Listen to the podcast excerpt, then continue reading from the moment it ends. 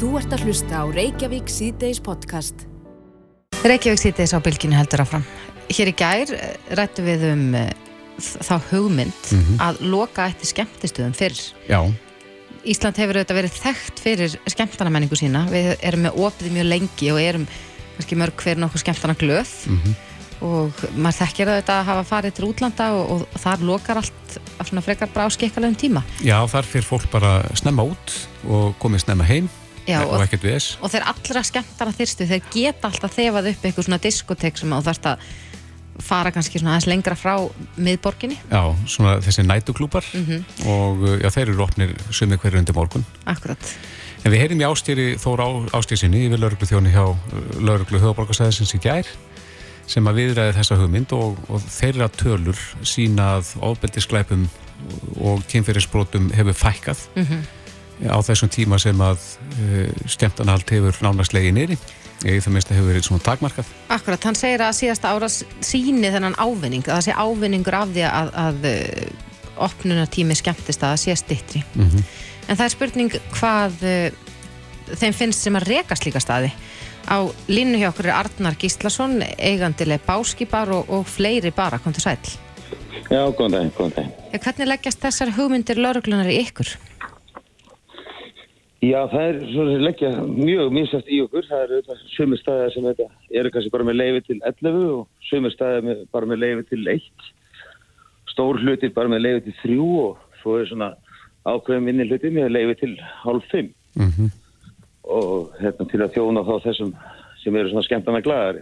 Þannig að það er nú þegar í dag ákveðin skipting á, á leifum hjá veitingastöðum til þess að dreifa álæginu frá því að sem var í gamla þegar allir staðinir lokuðu þrjú og svo söfnumst kannski saman 10-20.000 mann sem er í bæja og, og þá var nú ákveðið að breyta ofnan tímum og lengja lengja jafnvel og það var nú gefið það frjálstími sem hentaði svo sem eiginlega engum. Og hérna svo var það stitt í hálf sex. Það þótti of langt og þá settist við niður og sömdu við laurugluna og þeim að hálf fimm væri nú bara svona þólmersk okkar og, og, þeir ánæður og þá var nú rætt að það er ekki sest niður aftur og rættum að stýta enn frekar. En það verðist vera að koma aftur upp svo umræðið að það er að skerða okkar business enn frekar þó COVID sé nýbúið og við erum búin að vera með að vinna bara lokað. Og þá var þetta kannski ekki alveg umræðina sem við erum ánæði með.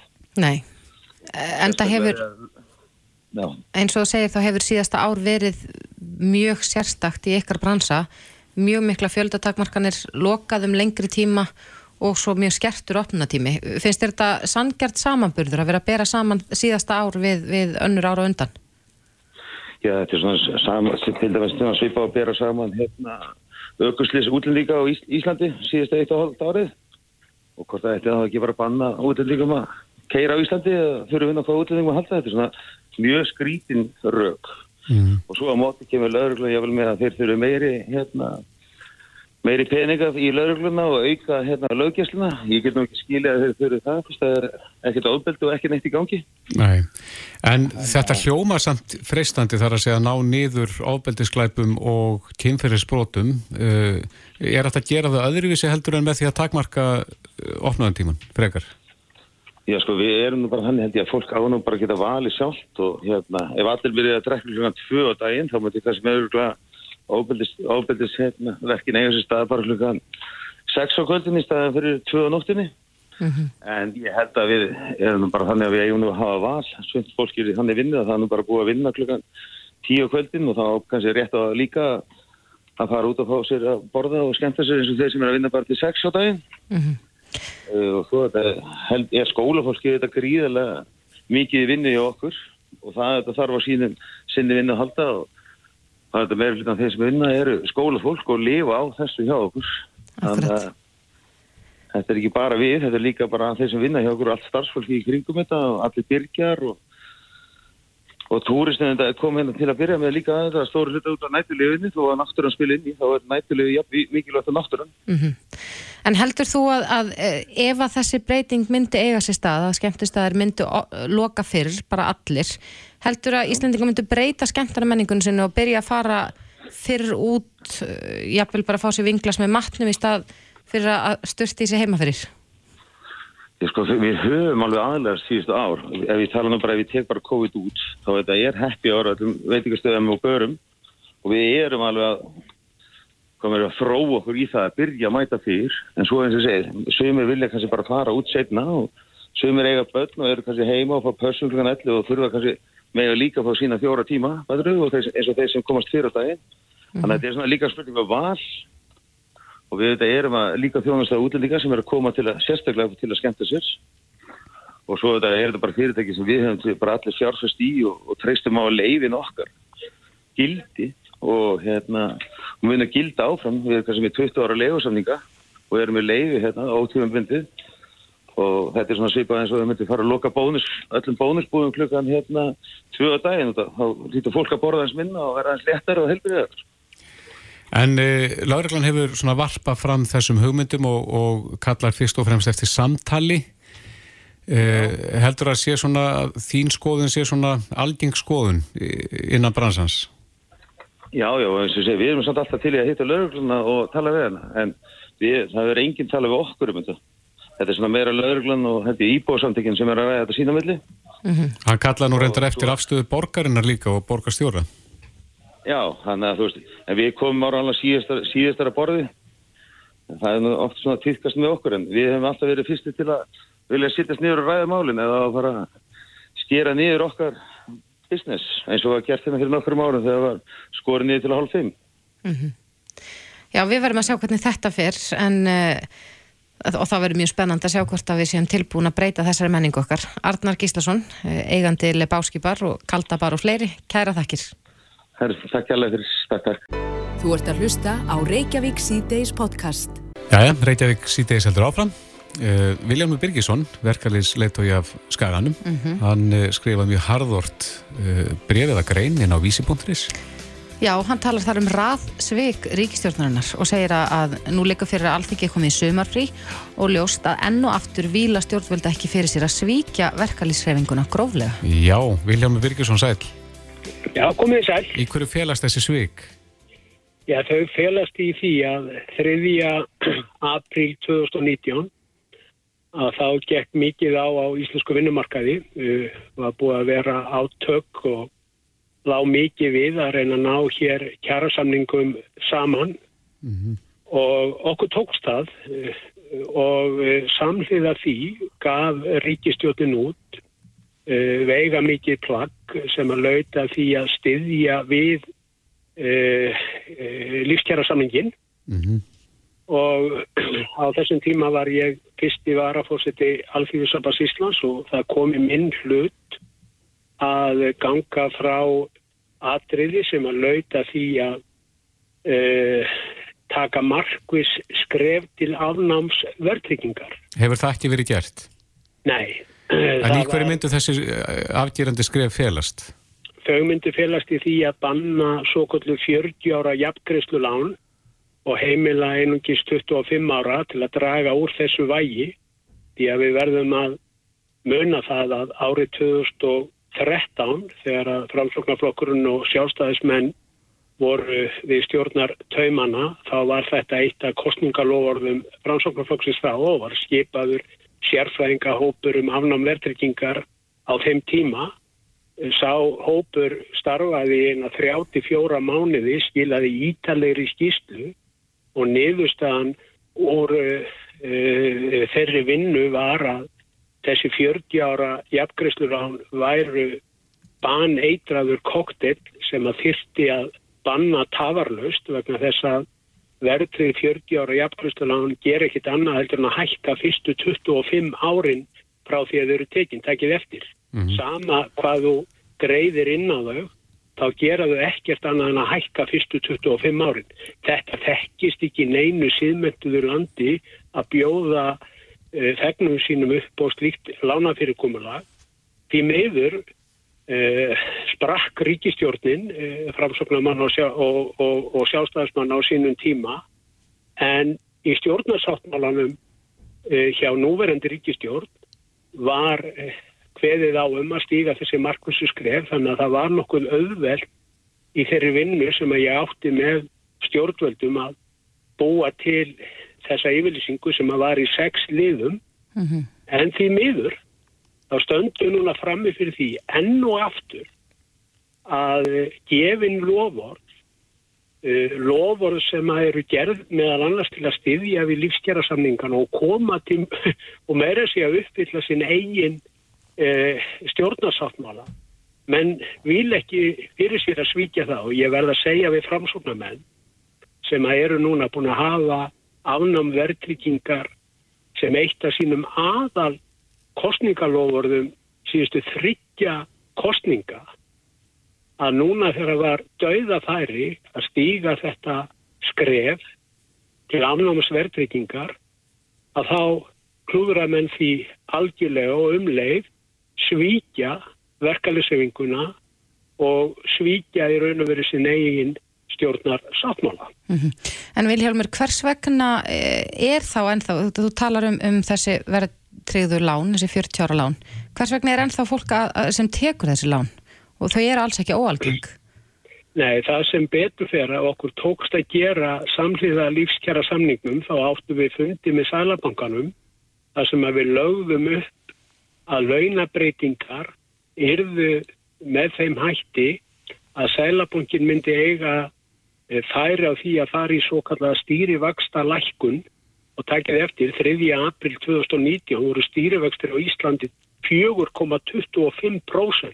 Mm -hmm. Í dag eru þeir kominir í 1% sem meðal annars var vegna þess að við gerðum skinnsama kjærasamningar sem byggðust á því að láta það sem að var til skiptan að renna til þeirra sem höllustu fæti stóðu og líka með það markmiði að auka ráðstufuna tekjur fólks með því að ná niður fjármaskostnaði heimilana. Mm, Þetta en, tókst. Já. Það sem að ég er hættur við núna og tækir eftir að meðan að við erum með verðtryggingu að þá er hættan á því að þegar að vextir fara upp aftur þá verði fólk smalað inn í þessa rétt sem að verðtryggingin er.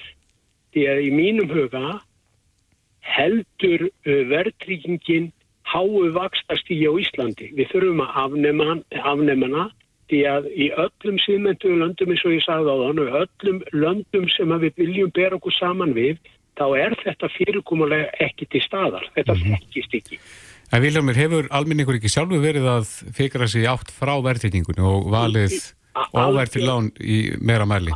Algjörlega og það hefur stór aukist og tekið eftir út af hverju er það. Það er vegna þess að okkur tókst Uh, í þessu þrýliða sangumulagi að ná tökum hér á vakstaumhverfinu og náðum óvertröðu vöxtum, vöxtum nýri 3,3% sem eru vakstakjör sem aldrei hafa sérst áður á íslensku vinnumarkaði og ég hef heilt í fullta fólki sem hefur náða endur fjármagna lánsín, náða komast úr hlekkjum og viðjum verðtryggingar yfir í óvertrygg og þetta fólk hefur verið að hafa samband um og segir býtu loksins sé ég lánið mitt lækka.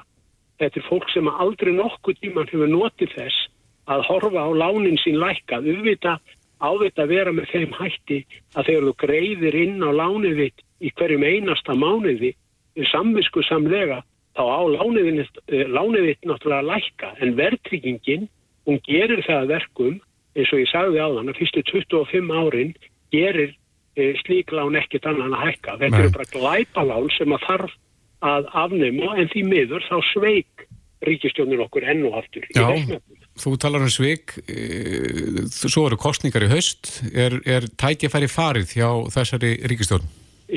Ég verði að segja alveg svo er að ég veit ekki hvort ég myndi ná að graf, sko brosa í gegnum tárin ef að þetta lofur kæmi aftur uh, frá þessu sömu aðlum því að núna var dauðafæri. Uh, ríkistjónin var með inn í stjórnarsáttmálanum. Þetta var hluti af lífskjærasamningnum en samt vila menn ekki fyrir sér að svíkja það og það er bara einfallega þannig að peningaöflin og fjármálaöflin í íslensku samfélagi þau eru svo sterk að einhverju hluta vegna að þá e, hafa stjórnmálamenn og stjórnvöld á hverjum tíma verið sig til neyingu til að hafla sig fyrir ekkar upp af fjármagninu heldur en, e, heldur en almenningi þessu landi. Því miður. Mm -hmm. Við þurfum að býða og sjá hvort að þetta verði eitt af kostningalofórðunum í haust. Vilhjálmur Birgisson? Ég ætla ekki, ég ætla ekki að gefast upp. Ég ætla að halda áfram þessari baratu og ná að frelsa okkur út úr þessu eða berjast allavega fyrir því því að ég vil ítrekka það að alla skoðanakanninni sína það að 80-90% landsmanna vilja afnema hér verðtrygging á uh, á fjárskuldbyggingum heimilum. Mm -hmm. Vilhjálmur Birgisson, formadur verkalýsfélags Akranes. Kæra þakki fyrir þetta. Takk. Hlustaðu hvena sem er á Reykjavík C-Days podcast. Já, Reykjavík C-Days, eh, bólusetninga ganga vel og uh, það eru ansi margir nokkuð litlir í sér í dag, uh, heyrir maður hérna í kringu sig. Já, ég hef verið betri. Já, þú fóst í gær. Ég fór í gær og fekk Janssen, alveg allsæl, ég valhoppaði einna neyri uh, löðarshöll og, og eins og ég var að leðna þjóðtíð. Þú valhoppar ekki í dag? Nei, ég get það ekki. Ég ætlaði ætla svo sannarlega að fara út að hlaupa í morgun en, en ég valdi kottan í staðin. Já, ætli uh, það sem munur á milli bólaöfna. Maður velti þessu fyrir sér að því að maður heyrir meira frá þeim sem hafa fengið ákveðin bólaöfni frekar en önnur. Óskar Eikdalsson er fórstjóru helsugjastlunar á höfuborgarsæðinu, kom til sæl. Já, komið sæl. Er það ykkar tilfinning að, að söm bólaöfni séu svona með verri hérna aukaverkana heldur önnur? Já, það verðist vera einhver munur þarna á en svona að jafnvægi þá er það nú mjög svipar. Mm -hmm. En uh, maður sér það svona að það er þessi Janssen og Astra séu kannski með eitthvað aðeins meiri aukaverkanir og síðan er það þannig að ef að fólk er að fá sitt í skamtin með öðru bólefni heldur en fyrir skamtin mm -hmm. að þá kemur fyrir að aukaverkanir þar eru verri en að samaskapni kannski jafnveg betri vörð. En, en hversu algengt er það að fólk fái fyrsta skamt af einu efni og svo annan skamt af einhverju öðru? Ég hef nú ekki tölunar en það eru þó nokkri, sko þetta kom náttúrulega í framhald af breytingunum á því hverjir máttu fá hvaða bólefni mm -hmm. og þá gæti fólk valið hvort að annars skamturinn er því svo sami eða hvort það væri nýtt. Mm -hmm það voru þó nokkur sem völdu bara hvort sem er sko en, en Óskar, er, er svona til þess fyrir þá sem eru og líður illa eftir bólusetningar hvað geta er gert? Þar að segja, er, er þetta sömur ráð og þegar fólk er bara almennt lasið? Já, maður notar verkjalif paracetamól einhver eða, eða svona íbúfennlíklif til þess að líða betur og svo gengur þetta yfir og þetta er í raun bara vegna þess að líka minn er að bregðast við bólefninu og er að æfa sig, sjálfa kvítublokkonin og það er svolítið íþingjand og erfitt, alveg eins og maður fer bara í venjulega líkamsrækt. Mm -hmm.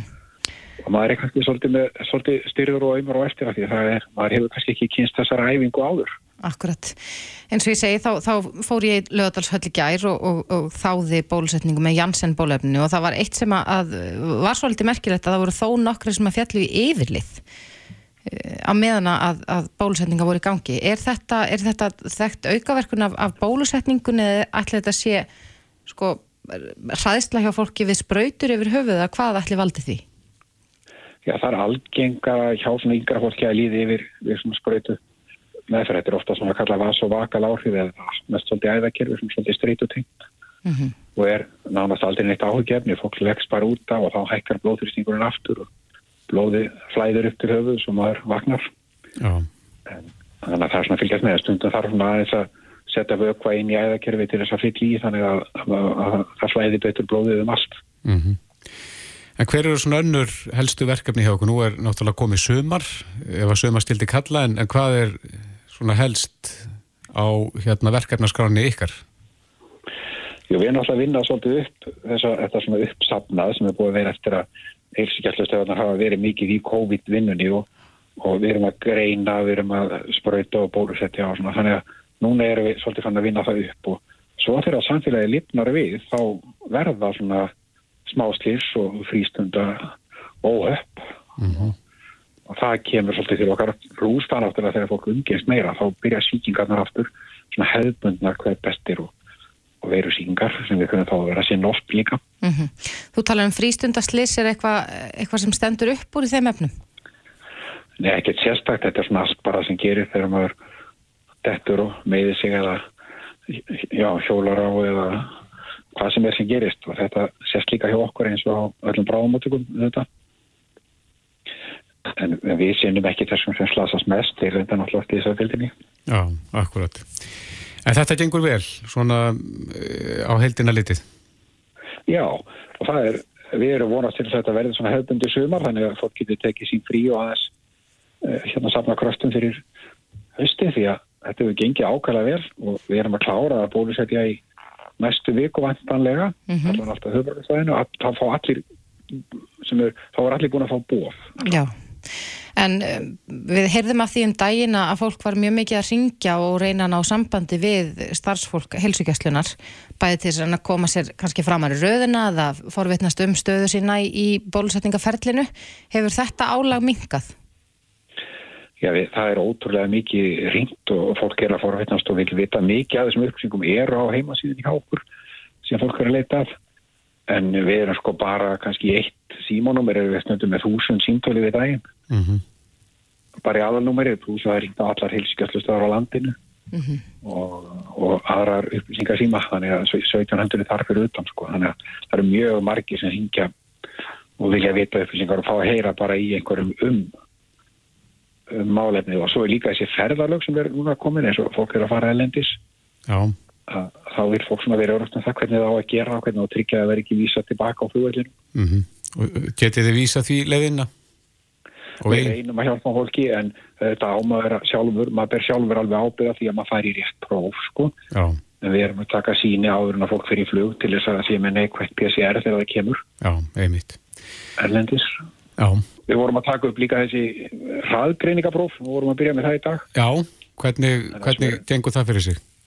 Það gengur fyrir sig bara alveg eins. Fólk fer bara að panta þetta sem satt og fer í, í orkuhúsi og þar rannsökum við á staðnum. Landsbítarinn og hilsingarsson eru með samíla rannsóknar einingu þar sem að þannig að við förum bara strax í aðansaka sínir og þá byrtist þetta mjög hratt einn, tveir klukkutímar eða þrýr kannski sko. Er þetta þessi PCR-próf?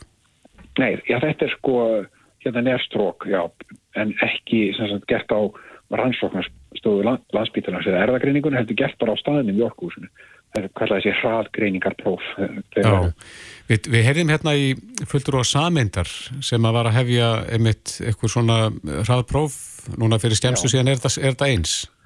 Já, væntalega er þetta nákvæmlega það sama Já, þannig að það er komið samkefni Já, það er ágætt. Það, það þarf að vera, það þarf allir að vera í þessu. Já. Og hérna, það er langt bæst því það er auðvitað fyrir fólk því að þetta er engin akkur í því fyrir einhvern sína, að sína þessu, þetta er bara mikilvægt að allir takja þátt. Æmitt. Óskar Reykdalsson, fórstjóri Helsugjastlunar og höfuborgarsæðinu, kæra þakki fyrir þetta. Takk fyrir. Reykjavík síðdeis á bylginni. Jæja, Reykjavík síðdeis, EM er á, í fullum gangi mm -hmm. og nú er leikur Ungverðlands og Portugal.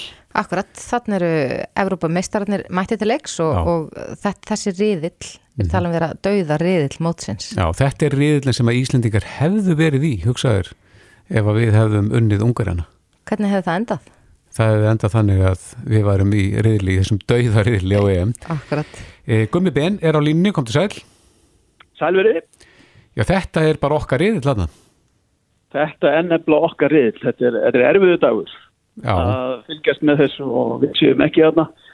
En uh, þetta er, eins og ég segi, þetta er bara dauðariðillin. Það eru þrjúa bestu landslegum hinsins eru í þessum vili og uh, eins og þú voru að koma inn á, Portugals og Ungurir er að spila núna og marka laust þegar síðan var rétt að byrja og síðan er í kvöldasjásu hinsmistra frakka gegn þjóðverjum sem mm -hmm. er á 13. móti í röð EM.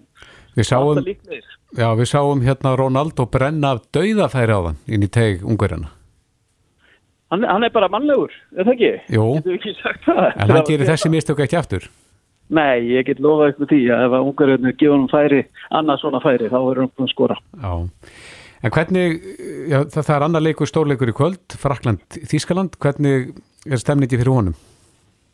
Ég held að hún sé bara frábær, ég held að séu nánast allir sem eru búin að býða mjög spenntir og spennt bara eftir þessum F-riðli sem að Já, það getur bara vel verið að einn af þessum reysum sitja eftir og, og hérna þess vegna verður mjög áhört að sjá þennan fyrsta keppnistag í þessum reyli og, og hérna, þú vilt ekki byrja að tapti, þannig að vill aldrei neitt tapa reyndar en, en uh, þetta verður smá brekka ef þú tapar fyrsta leik og, og hérna það verður stáli stáli kvöld þegar að frakkarnir og þjóður að mætast. Mm -hmm. Þú eru að spá fyrir um hver mun segra þann leik? Ég ætla að spá bara jættibli, sátt að segja. Ég ætla að vera bara sviklitingur, hlutlausveila og 2-2 jættibli samt í, í frábærum leik, besta leik keppnar, allir ég lögum að segja. Já, en leikunni sem er í gangi núna? Herði, hann, hann endar 2-0 held ég alveg örgla fyrir Portugal. Portugal reyndar, fór í gegnum síðustu keppnið þeir unnu á þess að, já þeir unnu eitt leik í vennu leiktíma og þeir rétt skriðu upp úr riðlunum, endur við þriðarsættu eftir okkur og ungverjum einmitt mm -hmm. þannig að ég, ég held að hins vegar að Rónaldó skoru eftir ég held að hann eh, vilji bæta metið í lokakefni hefum bara strax klára það í fyrsta leik þannig að það sé frá og ég held að hann hamri einum í marki. Það er svona kortir eftir. Mm -hmm. Önnur tíðindi af EM það náttúrulega fór mikið púður í þegar ræða þetta mál með hann Kristján Eriksson Já og það var náttúrulega risa mál eins og kannski gefur að skilja. En hérna bara með hverjum deginum þá byrjast enn betri frettir af Kristján Eriksson sem að sjálfur með hverju á Instagram síðu sinni í, ekki bara í morgun. Já. og hérna það er bara, það er náttúrulega búið að skikja skikja aðeins á, það er ekki hægt að neyta því. Mm -hmm. en uh, ég held að sé bara allir mjög spenntir og góð stemming og, og kannski sérstaklega spenntir fyrir annar umförinni, önnur umföri eða kemur hefst strax síðan á morgun. Þannig sem að Ítalir sem að uh, síndu ég var að segja sína bestu hliðar bara í ofnuna leiknum þeir uh, fóru nokkuð létti gegnum Tyrki þeir eru að mættir aftur á morgun í, í Róm og, og hérna. Það er bara svona, oft er önnur umförin enn ofnari heldur en kannski fyrsta umförin, allir svona það er engin ætlar að tapa opna svo mikið en í annar umferð þá sjá liðin svona hvað er þau standa svolítið. Mm -hmm. og þá ég trú að því að við fáum við fáum hauga mörgum síðan uh, það sem eftir er vikunus Já, en uh, stór leikur á eftir uh, hefst ekki uppbytunin 18.30 og svo leikurinn klukkan 7 Jú, leikur Ungverja og Portugala gerður upp bara eftir að hóla líkur og síðan er uppbytun klukkan hálf 7 fyrir, fyrir þetta leiks klukkan 7 og síðan erum við klukkan nýju að sjálfsögðu. Þá eh, ég og Helena með, eh, með gesti í kvöld og Hjami sem að við þekkjum úr útvörpunu hann ætlar að koma og vera einna gestur til að mhm. mynda þannig að ég veit að það verið fjör í settinu Já, við fylgjumst með eh, Guðmundur Benediktsson, kæra þakki fyrir þetta. Takk sem leis Þetta er Reykjavík C-Days podcast. Jæja, Reykjavík C-Days, það eru margir núna stattir út í umferðinni. Mm -hmm. og það hefur reyndar lengi verið talað um það að eh, miklubröðin fari í stokk. Akkurat. Og nú hefur það svona því hefur verið ítt skrefi lengra þeim, þeim hugmyndum. Já, í morgun var opinn fundur borgarstjóra um tillögur um miklubröðarstokk og reyndar líka um vogabeðarstokk mm -hmm. en þarna voru fimm hópar arkitekta og hönnuð á verkfræðinga að kynna sína tillögur um, um hönnun stokkana. Mm -hmm og Dagur B. Egersson, borgarstjóri Reykjavík var uh, í bítunni í morgun og, og færði þar góðar fréttir um að miklabröðir myndi fara í stokk. Já, er þetta góða fréttir? Eithor Arnalds, ótöðuti sjálfstæðismann í borgin er á línunni, kom til sæl Já, þetta er ábygglega góða fréttir fyrir þá sem er að taka þátt í hugmyndarsamkjöninni en Já. þetta náttúrulega leysir ekki umfæramálinn til eh, næsta ára Nei. því að uh, hugmyndir voru um að miklabröður í stokk kemur kannski svona eftir 5-6 ár ef allt gengir mjög vel en það hefur lítið þokast í að fjármagna þessa framkvæmt því að hugmyndir voru upp um að setja veikjöld á höfborgina til að borga þessa framkvæmt og það hefur ekki nást í gegn á allþingi og engin að tala um það reyndar en það sem að borgastöru talar ekki um finnst mér mikilvægur og merkilegra. Og það er það að það var búin lofa því að bæta gatnamót við bústafeg, breylsbraut og arnanisveg á þessu ári.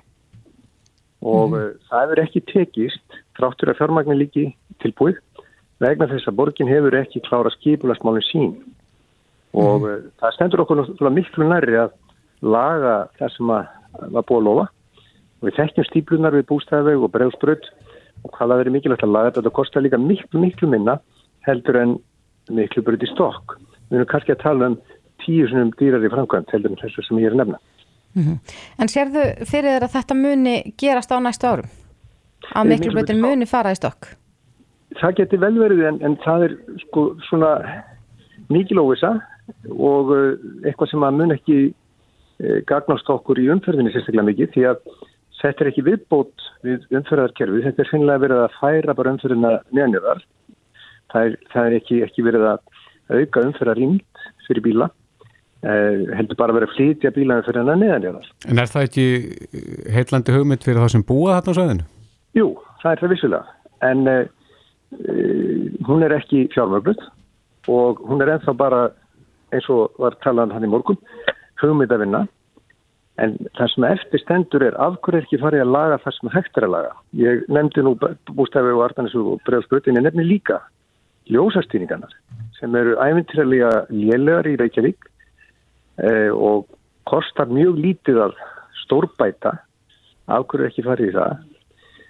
Af hverju farið í að þrengja guttur í snæðin fyrir að laga ljósastýningar og af hverju er ekki farið í að klára þessi gatnamót sem eru full fjármöglus nú þegar af ríkinu. Þetta eru spurningarna sem að ég hef viljað sjá borgastjóra svara. Eh, hugmyndarsamkeppni um margt gott og skemmtilegt, mm -hmm. nýtt listasafn eða, eða mikilböli stokk er eh, annar mál. Mm -hmm. Það sem að, að hann lofaði að gera og skrifaði undir var að bæta um fyrir hennar með sagúkursáttmálanum og það hefur klikkað hjá hann. Já, en þú talar um liðlega ljósastýringu í borginni, Eithor. Hvað Já. er því til fyrirstöðu að, að því verði breytt? Þann hljóma nú eins og tilturlega einfalt mál að leysa. Já, ég held að þarna strandi fyrst og fremst á vilja borgarinnar því að e, tæknin er þekkt, e, það er snjalljósa stýring í flestum þeim borgur sem við þekkjum þannig að við erum ekki að hanga á rauðu ljósi óþörfum en hérna erum við með mest svona klukkustýningar mm -hmm. sem er í raun og veru 19. aldar aðferð og er bara klukku Eh, en sko snjall væðingin, hún er komin allstaðar í samfélagið, við talum ekki um eftir COVID. Þannig að, að þessi tækning er bara mjög ódýr að vera með myndavilar sem að sjá hvort það sé bíl eða ekki bíl á gatnamótum. Og þá nýtast göduna miklu betur. Það sem við sjáum í Reykjavík er ekki bara stípla bæði mótna og, og síðdeis, heldur líka auðar gödur og óþörfu þetta er léli nýting. Já, en Eithor, ertu að gefi stín að, að borgarriðvöld vilji að umferðin högti? Það er eina svona skýringin sem að maður sér að, að það eigi að gera erfiðara fyrir fólk að komast á milli í staða í bíl. Af hverju? Já, það komur fram í skýslu varandi borgarlínu að, að það þýst að vera erfiðara að komast á milli staða í bíl eh, til þess að auka áhugan á borgarlínu og uh, ég er nú ekki hrifin af svoleiðis neikvæðum kvötum, ég vil frekar að jákvæða kvöta að hlundi sér betri og þess vegna ég hef sagt en ekki að laga strætu frekar að vera með hugmyndarsamkeppni um eitthvað sem að kemur eftir tíu ár kannski. Mm -hmm. En uh, já, maður heyrir að, að, að þú ert nokkuð gaggrinn á þetta en, en þessu, allir þessari kynningu fylgir þetta líka borgarlínan. Að hún er, hún er hluti af þessu stóra verkefni sem að, að borgarstjóri já, vill að verði Já. Eh, hver er ykkar afstæða í því? Getur þetta ekki hangið saman þessar tvær framkantir, bæði borgarlínan og svo miklubröðin í stokk? Það sem er nærtækast fyrir okkur að gera næstu tíu árin er að bæta strætó. Eh, þessi hugmyndum að borgarlínan verða á miðju, eh, miðjunni á göttunum mun tefja almenna umferð og hún hefur mjög mikið gaggrín þessu útværsla og ég held að við höfum að bæta almenni samgöngur með skynnsamari liðum. Hvernig þá? Ég til dæmis með því að fjölga vögnum. Það hef ekki verið kipti vagna núna í hátt í þrjú ár og þeir eru vortni gamlir, mengandi og bila. Þú vilt fleiri og vagna og þá þarfstu vantilega fjölga starfsvorki líka? Já, eitt af því sem við erum lagt til er líka að fara stað eins og er gert það núna í Európu að fara stað með fyrstu tilrunir með sjálfkernandi vagna sem að þýðir miklu meiri tíðni, betri nýting og læri restarkostnar. En tíður er hafnað í borgarstofn. Með hvaða rökum? Með engurögum. Eh, það verið sagt að þetta verið skoðað en það er ekkert slíkt verkefni í gangi á Íslandi. En við telum okkur verið fremstu röð samt erum við langt og eftir öðrum tjóðum varandi tækni í umferð. Mm -hmm. Ég held að það sé rétt hjá mér að það verða sveitastjórnarkostningar á næsta ári. Heldur að þetta verði eitt af stóru kostningamálunum umferðarvandin í borginni? Já, ég er alveg vissum það og það verður bæði kosið um framtíðina en líka um hvað menn hafa gert og ekki gert á kjörstningafölinu. Því að það var sömum málum lofa fyrir síðustu kostningar. Þá átti borgarlína að fara í gang fyrstu framkvæmdi 2019 því lofaði borgastöri á fundi í Gamla Bjó og uh, hann lofaði Miklubröði stokk og það er bara sama platan spiluð. Já, Eithór Arnalds, ótviti sjálfstæðismanna í borginni, kæra þakki fyrir þetta. Takk sem leiðis. Reykjavík síðdeis á Bilginni podcast. Reykjavík síðdeis á Bilginni heldur áfram. Það hefur undanfarn ár mikið verið talað um svona duldar auglýsingar á samfélagsmiðlum. Já. Og ja, þetta er náttúrulega freka mikil frumskóur. Samfélagsmiðlar eru nokkuð nýjir af nálinni. En nú var neytundastofa að taka ákvörðun í máli áhrifavalds. En um, þetta er áhrifaldurinn Kristín Pétursdóttir og, og neytundastofa hefur ákvarðað að hún hafi gerst brotleg við lög með umfjöllunum sjö fyrirtæki á Instagram síðinu sinni. Án þess að gera hvað þá? Já, þetta skiptir máli sko að taka fram að um auglýsingu sé að ræða. Mm Og það er, þetta er ekki fyrsta sinn sem að, neytundastofa tekur slíka ákvarðun. En Þó að ekki komi til eh, sko greiðsla fyrir byrtinguna. Akkurat og í þessu máli nefnilega gengur neytundastofa í raunskrefi lengra þarna er ímist einhverjir afslættir eða mögulega bara blómvöndur sem hún fekk sendan án þess að byggja um það og ef hún fjallar um hann á Instagram þá skal hún taka fram að um auðlýsingu sé ræða. Já, já. Það hefur ekki ennþá verið gerst hér á landi að fólk hafi verið sekta fyrir þessa háttsemi en, en þetta er bara lagt bann við uh, svona auðlýsingum. En þetta er algengt og áhrifavaldarnir eru orðnið þó nokkuð margir. Já, þetta er ekki bara nokkrir einstaklingar eins og hérna fyrir fáum árum síðan. Nei. Á línu hjá okkur er Arna Þorstinsdóttir, hún er meðegandi Sahara, kom til sæl. Hæ, Já, takk þið, fyrir að fá mig. já, ekki málið. Þið hafa verið að sýsla mikið með áhrifavalda og eru með þó nokkra svona, á skrá hjá ykkur ekki satt. Jú, við vinnum með ýmsum áhrifaldum af hérna, allum toga, Mm bæði samfélagsmiðla áhrifaldar og hvað segja, ekki samfélagsmiðla áhrifaldar. Ískil. En, en hvernig leggjast þess- þessar fréttir í, í sko ykkur og ykkar umbjöðundur?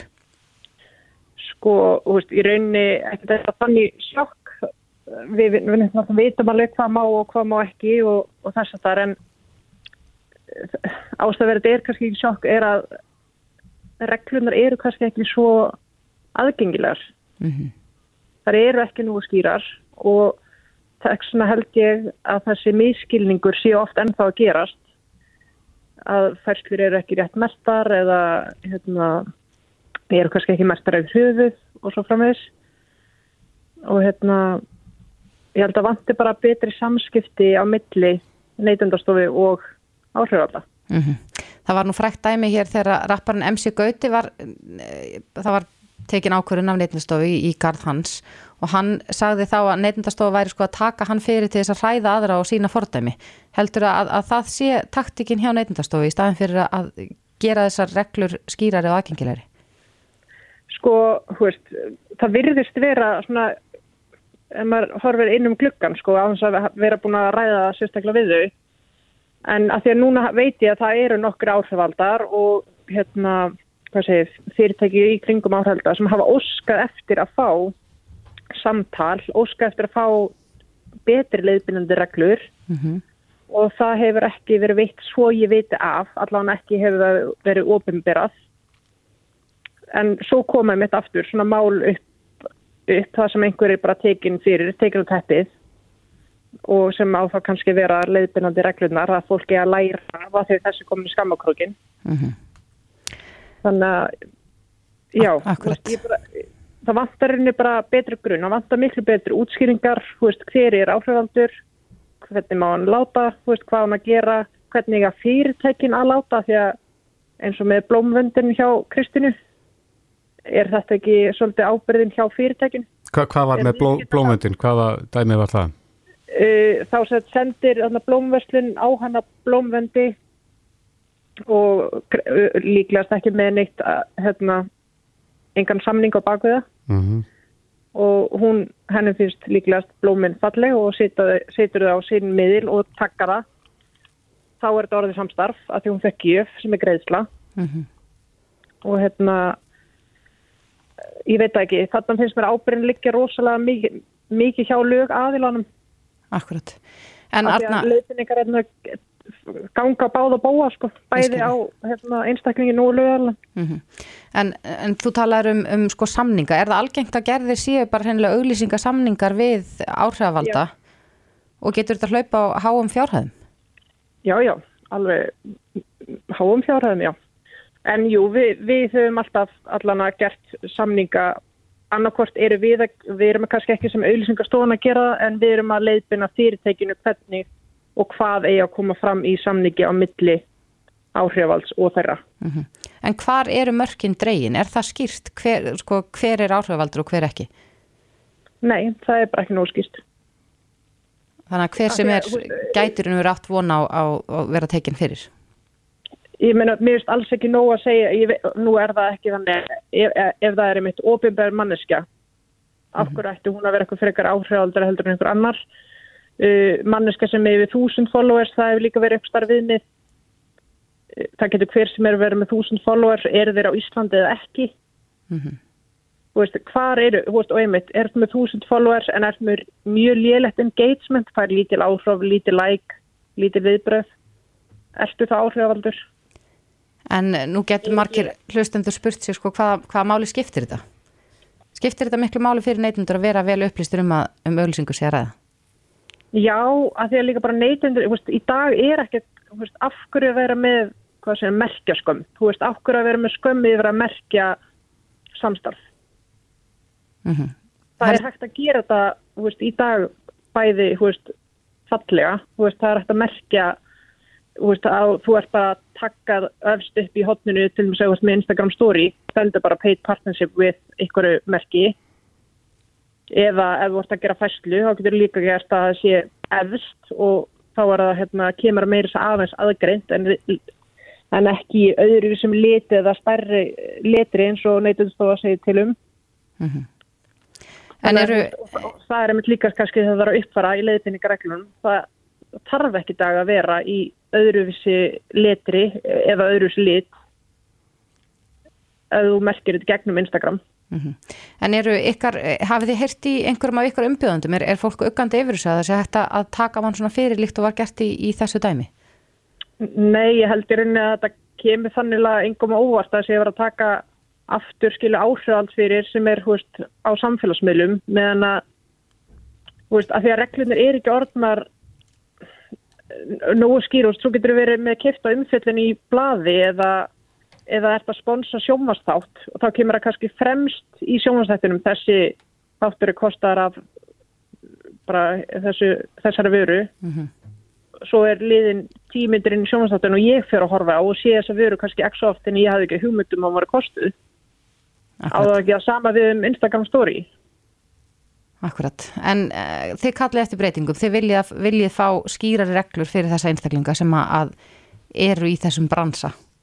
það bara myndi einfalda fyrir öllum bara líka neytendastofu. Þú veist, að gera þetta bara meira vísjöld ég skal meira að taka þátt í að fara hérna í í ölsingaherrferð um þetta sko. Já, þannig að bara ef að væri hægt að koma með bara einfald, bara vísjöld hvernig á að gera þetta, bara síniði screenshot bara hér ætti að vera merki, svona ætti þetta að vera en ekki bara alltaf skamma og segja gerði betur, ok, hvernig já. Já, við skulum vona að, að neytendastóða grípi þennan bolta frá þér. Já, Arn- það verður mjög skemmtilegt. En, en hérna, leiðbynningaregluna eru þó samt sem áður. Það er skýst að bara fara pakk gussi beturinn. Já. Arna Þorstensdóttir, annar eigenda Sahara, kæra þakki fyrir þetta. Takk kærlega.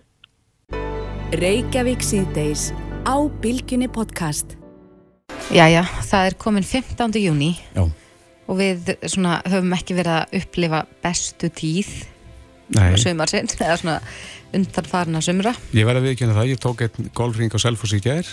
Ég var hálf kalinn á puttunum því ég var búið með nýju hólur. Já, ég tók þátt í, í það sem heitir Bláskó og Skokk á laugavatni um helgina og mér hefur bara líklega aldrei verið af kallt. Nei, en það er eins og segja, það er 15. júni í dag. Já, en ég held að sé ekki að við Íslendingar, okkur veist gaman að tala um veðrið Já. og við erum alltaf að býða og vona eftir að fá þið fullkomna sumar.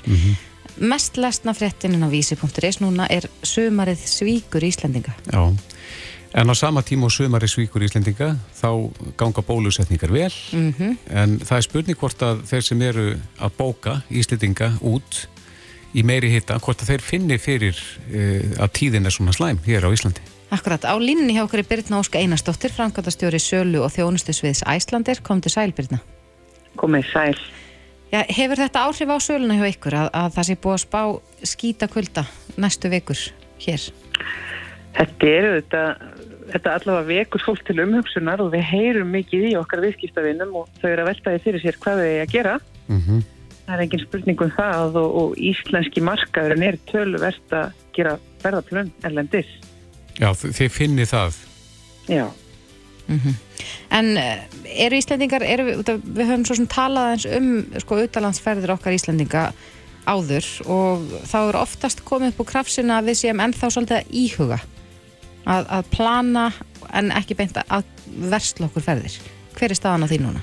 Já, já, það er hérna bara, við getum alveg sagt að, að hérna bókanar eru komnar vel í gang engin spurning um það og hérna við þetta bara fylgjast með á hverjum degi og sjáum það alveg þróast mjög mikið hérna heima og það er alveg sagt að svona dagar eins og það hafa verið upp á síðkastið og svona fréttir eins og við heyrum núna það hefur líka áhrif á bókanir Mm. En hvert likur ströymurinn? Já, svona, við sjáum að sko, fólk er svolítið að velja sér áfangastæði sem það þekkir. Þetta eru svona borgirnar sem að hafa verið lengst í hérna bóði eins og Kaupanahöfn, Stokkólmur og Billund. Svo er fólk auðvitað að fara til Tenerife, Madridar og Barcelona og Milano. Þannig að það er svona nálægt okkur og svo sólinn. Já, sólin á tenni og, og spáni. Já. Já. E, Stifti máli hvernig staðan er í þessum löndum?